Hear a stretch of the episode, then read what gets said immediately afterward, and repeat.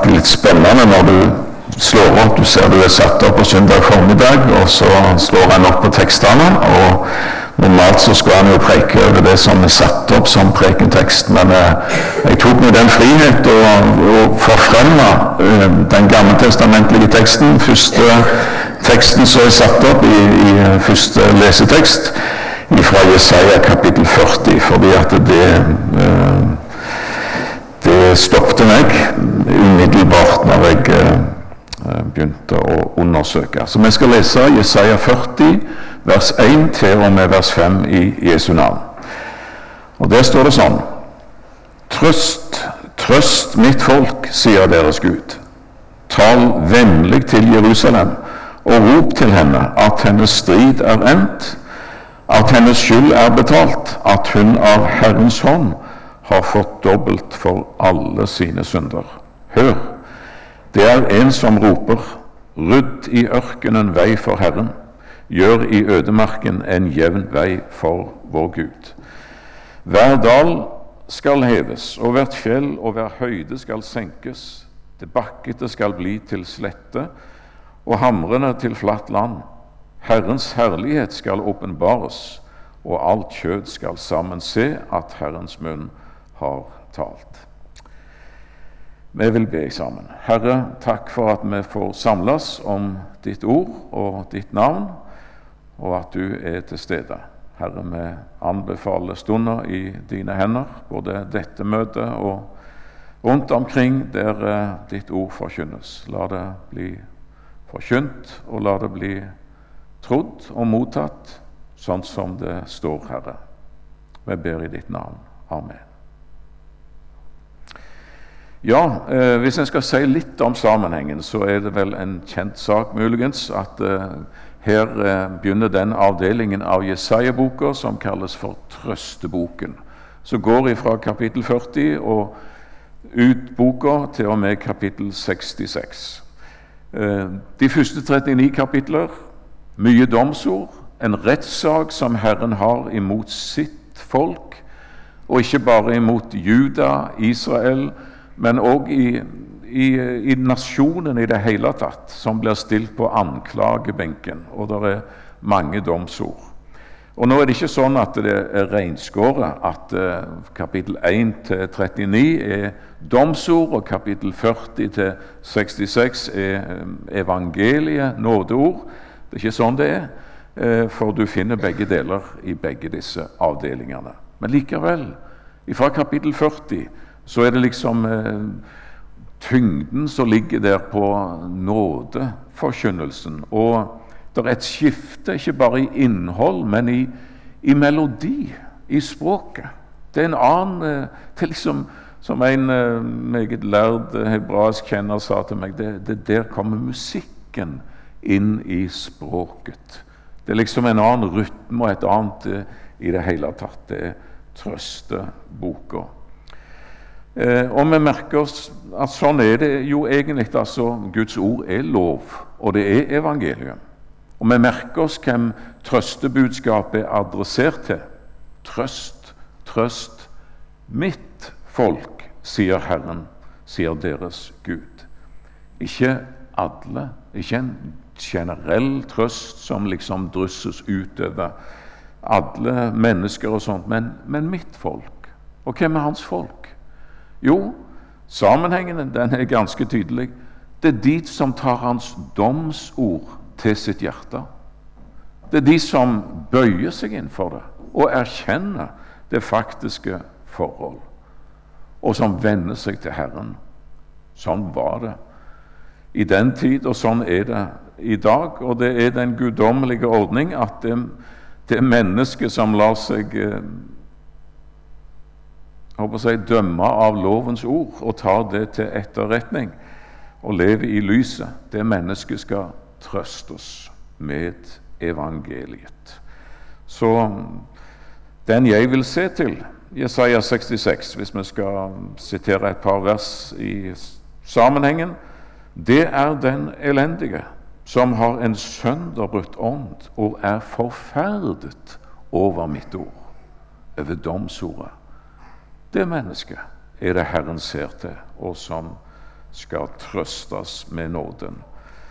Eh, så sier den høye, den opphøyede, han som troner for evig, han som bærer navnet hellig.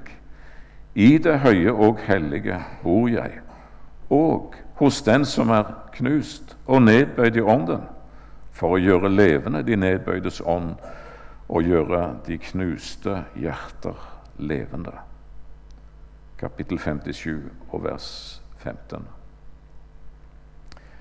Loven, eller domsordet, det stiller diagnosen. Eh, evangeliet, nådeordet, det er selve legedommen. Ved hans sår har vi fått legedom. Og fred, som det òg står i Jesaja 53 og vers 5. Sånn er det. Eh, og hvorfor er det sånn? Hvorfor må det være sånn? Hvorfor eh, skal dere i Misjonssambandet ikke minst stadig dra fram dette med loven og tale om synd? Vel, ordet gjør det. Og det er nå en gang sånn eh, Når jeg så med dette i dag så, og i går, så tenkte jeg på min yngre broder, som når han var bare en ganske liten pode, ble meget syk.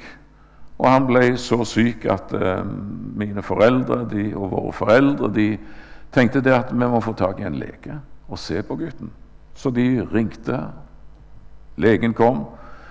Hadde det travelt, hyggelig og vennlig og alt sånn. Ser litt på gutten som ligger der og sier at 'nei, det går fort, dette kommer til å gå over'. Ikke vær engstelig, ikke vær bekymret. Litt eh, smertestillende og sånt noe, og så na-na. Og så forsvant han. Det pussige var jo at gutten ble ikke bedre av det. Så de, mor og far de, ikke, de, lot seg ikke helt berolige av dette når de så. Så de, de, sa det at vi må snakke med Jonas. Jonas, onkelen vår som bodde rett uh, over streeten. Naboen der. Og, til, og jeg husker jeg spurte far en gang at uh, vet onkel Jonas alt? spurte jeg da jeg var en liten gutt. Og, da svarte far eh, han vet skrekkelig mye. Jeg tok det som en bekreftelse på at onkel Jonas han visste alt.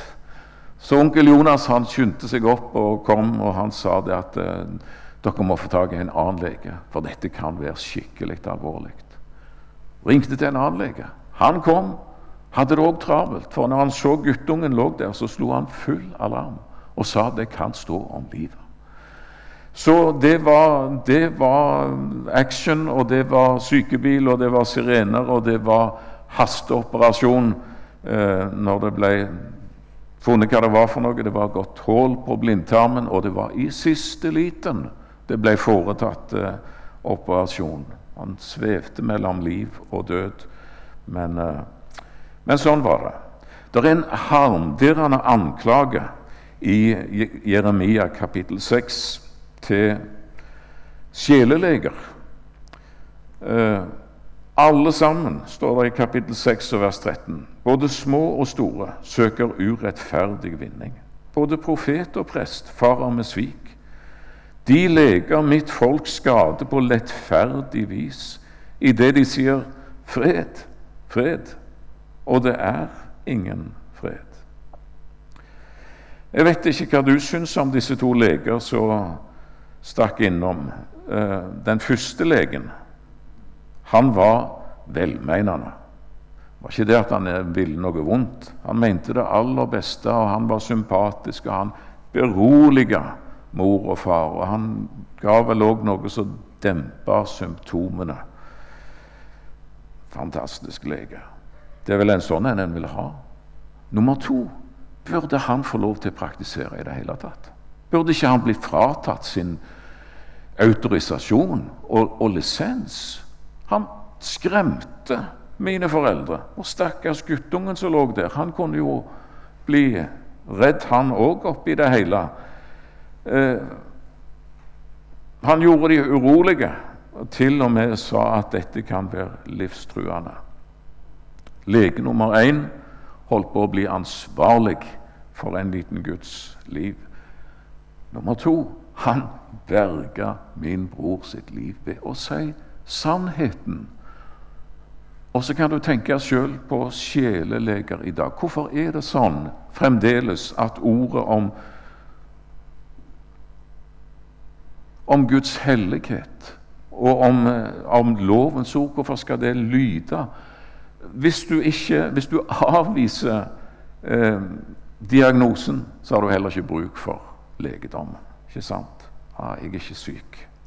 Nei da, ikke i det hele tatt. Og så er det dessverre sånn at det er mange i vårt eh, land som skulle forkynne ordet som det står. De skynder seg å gi smertestillende og dope ned, holdt jeg på å si, hvis et menneske skulle begynne å få problemer med sin synd. Synd er farlig. Det er livsfarlig. Av alt som er farlig på denne jord, så er det ingenting som er mer farlig enn det å stå innenfor Gud som en utilgitt synder. Og en dag skal møte Den hellige med sin synd og få som fortjent.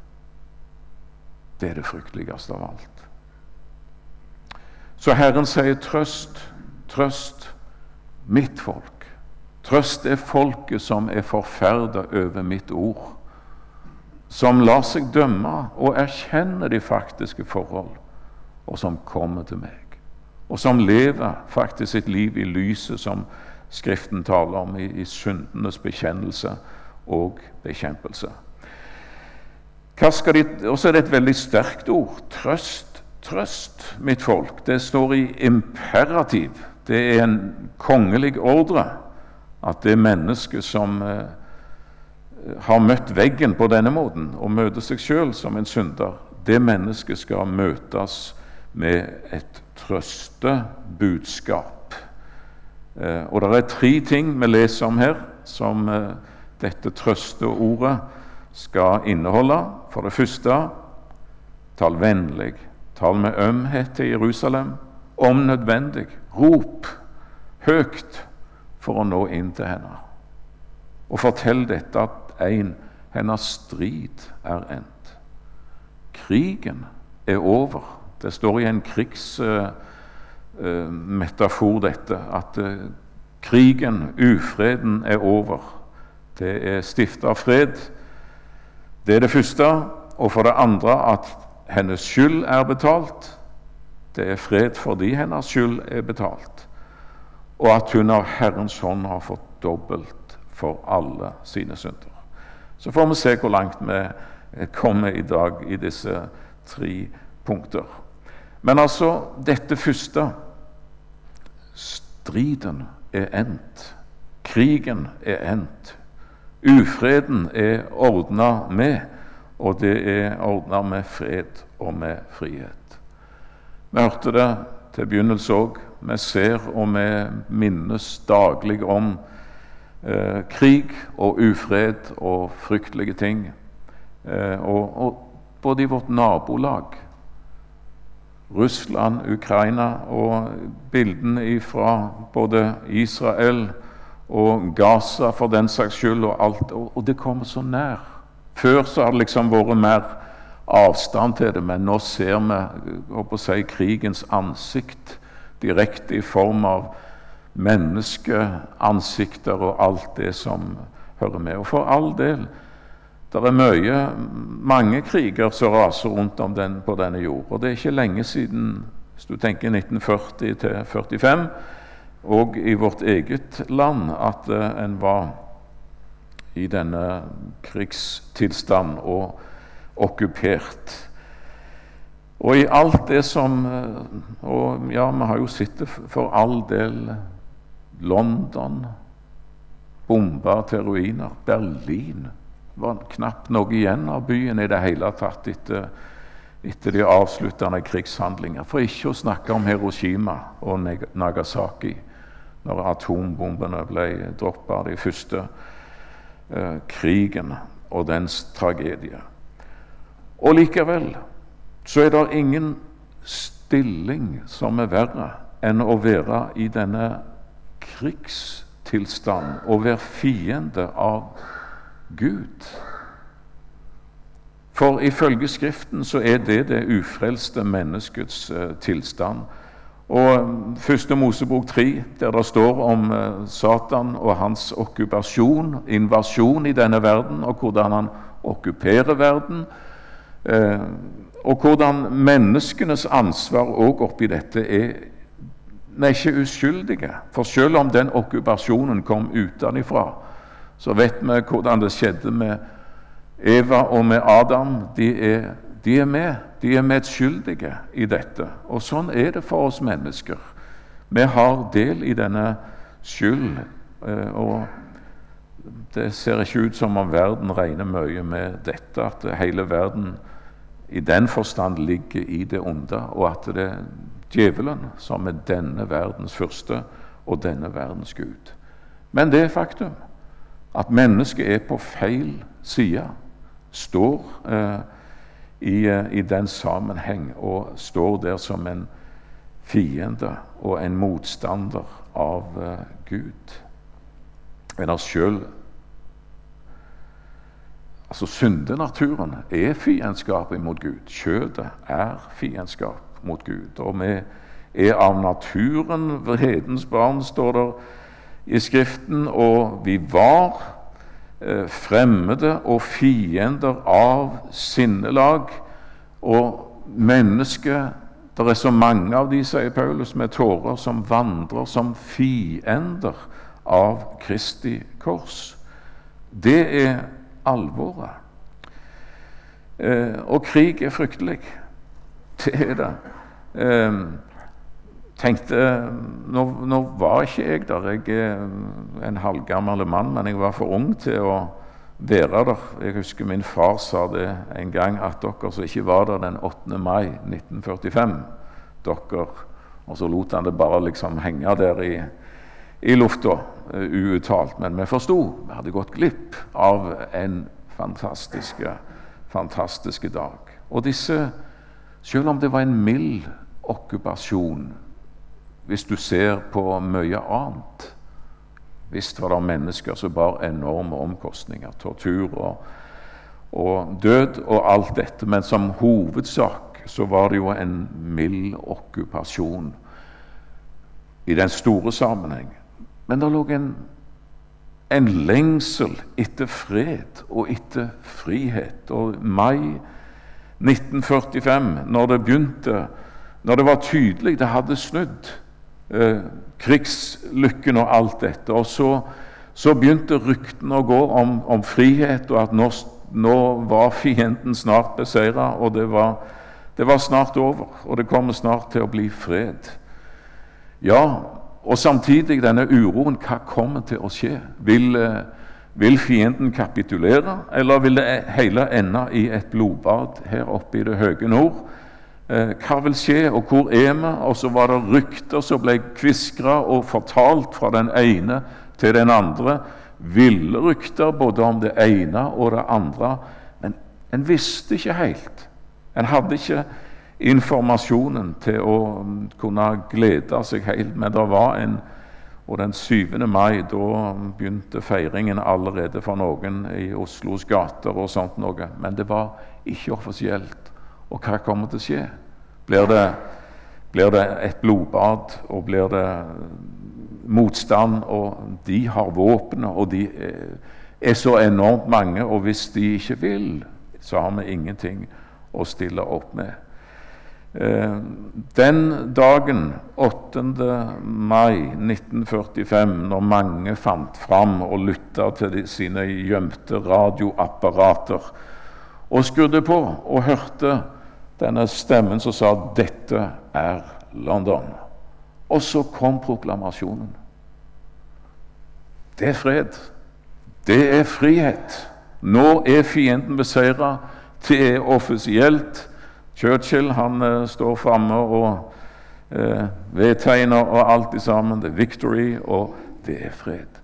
Da strømma folk ut i gatene, òg i Norge. Da var det jubel og sang og omfavninger og elleville scener. En glede som eh, var ubeskrivelig. Og jeg husker en, eh, en som sa det til meg, at han var bare en liten gutt den dagen. Men det er én ting jeg aldri kommer til å glemme, sa han, og det er blikket til far. Min rolige, avbalanserte far som aldri lot seg vippe av pinnen. Den dagen, sa han, da så jeg gledestårer i fars øyne. Og han prøvde ikke å skjule det engang. Jeg kommer aldri til å glemme det. Jeg var for liten til å forstå, men, men det blikket, det glemmer jeg aldri. Fred. For et ord det er. Og for en dag. Og for noen dager. Og kanskje er det sånn at du må erfare nettopp det motsatte for å for virkelig å sette pris på det er fred, det er frihet. Krigen er endt, og nå er freden et, et faktum. Jeg hadde et privilegium å møte um, den presten som med det vakre navn Fred Lyder. Klungland het han, og navnet det fikk han rett og slett når, uh, når freden ble, han ble født Eh, når, eh, i, i den, ja, Han var vel en dag eh, før, men likevel, da var, da var, det liksom så åpenbart. Og da ble det sagt at nå er det fred. Og så fødes veslegutten. Du skal hete Fred Lyder. Det er et vakkert navn. Fred Lyder Klungland. Mye bedre det enn hun jenta som ble født i København i 1807, når den hele den, eh, den, eh, engelske flåte gikk til stormangrep på København og bombarderte byen i flere dager. og Da ble det ei lita jente født, og hun fikk navnet Bombardine. Eh, og det bar hun hele sitt liv. Så der har du et forslag hvis du skulle Nei, det er bedre med fredlyder. fantastisk. rop til henne at hennes strid er endt. Krigen er over. Eh, fienden er beseiret, holdt jeg på å si, og nå er det en som har ordna med fred og med frihet. Du, det var vidunderlig for en unggutt. 15 år gammel. Det er ikke noen oppskrift, det må jeg alltid si, men det, det er min historie. Jeg som visste at jeg var på kollisjonskurs med Gud og så var jeg ganske overbevist om at jeg kunne heller aldri komme meg ut, det, ut av den stillingen. Å få lov til å rusle eh, Eiganesveien var det faktisk, eh, vis-à-vis eh, eh, eh, Mosvatnet der. Eh, eh, og så å få lov til å tenke på det ordet som var blitt lest for meg personlig av alle dem som tok imot ham. Dem gav han rett til å bli Guds barn. Wow! Fred. Fred med Gud. Kampen er over. Striden er endt. Det er seier. Det er en som har seira eh, på deg og på dine vegne. Han gjorde fred ved sitt blod på korset, sier Skriften. Og han eh, kom, og han forkynte fred, og han drepte fiendskapet. Eh, Efeserbrevet 2, nå står det i en sammenheng mellom eh, jøde og hedning, men det er absolutt gangbart mellom Gud og mennesker òg. Eh, og det er en dobbelthet i, i de ordene. Han er vår fred. Og det er, det er en robust fred. Rop til henne. Tal vennlig, tal ømt, men, men rop òg. Og bruk stemmen for å si at uh, Striden er endt. Krigen over. Det er fred mellom deg og din Gud. Og det er ordna eh, av Jesus for lenge siden. Og det, er, det, fortelles jo om denne japanske soldaten Hiro Onada. Nå husker jeg ikke helt det der, for det har jeg ikke notert ned. Men eh, som drev på med sin egen private krig på ei øy eh, helt fram til hva tid var det? Langt ut på 1960- eller 1970-tallet. Eh, streifer rundt omkring i skogen der med våpen. og Hadde òg tatt livet av noen etterpå, for han hadde aldri fått ordren om å overgi seg, og at nå var krigen slutt. Så det ble jo eh, rapportert at det er en villmann som går rundt omkring i jungelen og plaffer løs hvis han møter folk. Vi må få slutt på dette. her. Så ble hans tidligere over kommanderende i hans bataljon ble henta og fløyet av gårde til denne øy og for å rope det inn i skogen med høyttalere og mikrofoner og alt mulig at Hero, det er fred. Overgi deg. Du er langt på overtid. Det, er, det har vært fred siden 1945. Kom fram. Og så kom han fram, og så kapitulerer han og gir seg over og lever sine siste år i fred og fordragelighet. Vel, det er lenge siden det ble fred. Det skjedde på Golgata langfredag år 33 ved den niende time. Du kommer til fred. Overgi deg. Kapituler. Og du, eh, du har fred med din Gud. Og så er det vidunderlig at det ikke er en sånn en, sånn en skjør uh, skjør eh, våpenhvile som er inngått, som eh, går i stykker ved den minste eh, provokasjon, for Satan er beseira, og Herren har ordna med freden. Han har betalt prisen, og det er ordna. Og Det er ikke sånn en, det snakkes i dag om våpenhviler i forskjellige sammenhenger eh, og, og opp gjennom historien. og jeg husker Kissinger i sin tid, han, eh, når det var snakk om en våpenhvile, han sa den er så skjør, det skal bare et vindpust til for å sette den ut av kraft. To som står og vokter på hverandre. jeg håper å si, Hvis det så kommer en, en fugl flygende i det ene landet, og så detter det ei fjør, og så et vindpust, og så detter den fjøra liksom ned på feil side av grenselinja, og så er det satt på spissen i gang igjen med krig. Det er ikke sånn det er i Guds rike. Det er en robust fred. Og et ord jeg ofte tenker på når jeg drar, frem, drar fra gardinene om morgenen og er så privilegert at jeg ser ut på fjord og fjell og rekker på fjell innigjennom, og til og med i de siste tider med sol og med Ikke i dag, da. Da så jeg ikke det hele tatt og med snø som glitrer på toppene. Da er det veldig fint å sitere Jesaja 54 og vers 10. Fjellene kan vel vike, haugene rokkes, men min miskunnhet skal ikke vike fra deg. Og min fredspakt skal ikke rokkes, sier Herren, Han som forbarmer seg over deg. Du arming, du som er herjet bort av storm, du som ingen trøst har funnet. Trøst trøst mitt folk. Du som ingen annen hvileplass har enn dette, denne landingsplass i nåden. Du skal vite at uh, dette er robust. Og den dagen når emissær Birkedal eh, drar bort gardinene, og fjellene er borte, og haugene er Det er ikke mer igjen, det er bare flatt er Jæren flytta på den sida nå. Det er ikke noe i det hele tatt. Den dagen når fjellene har viket og haugene er blitt rokka, hva skal du si den dagen?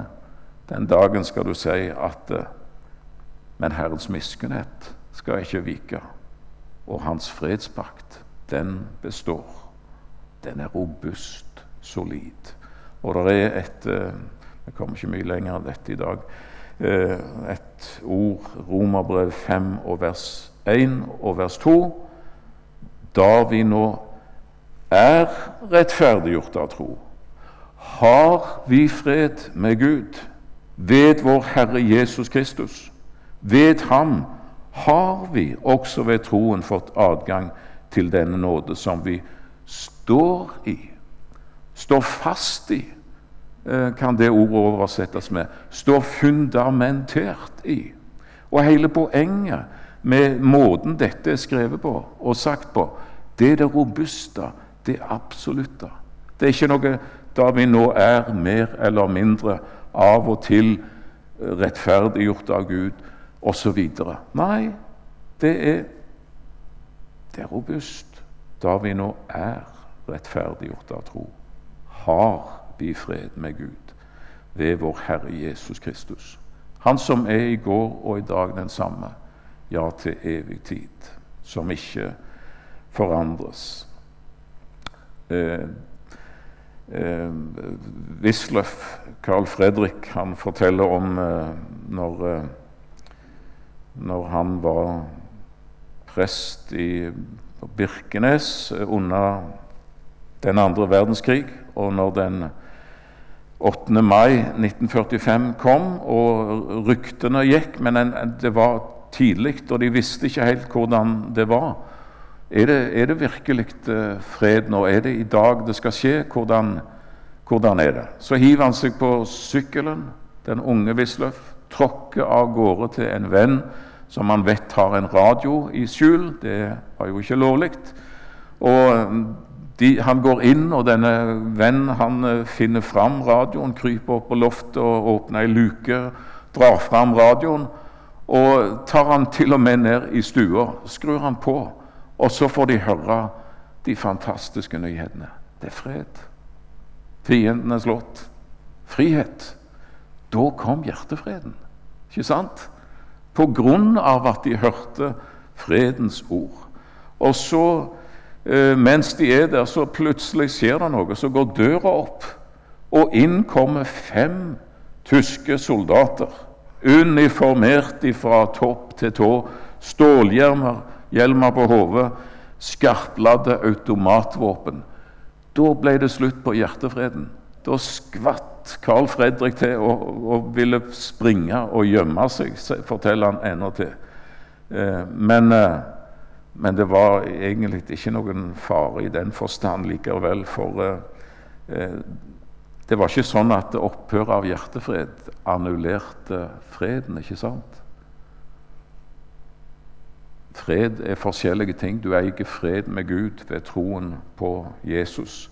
Hjertefreden den går opp og ned, men det er ikke, det er ikke sånn at når du har hjertefred, så har du fred med Gud.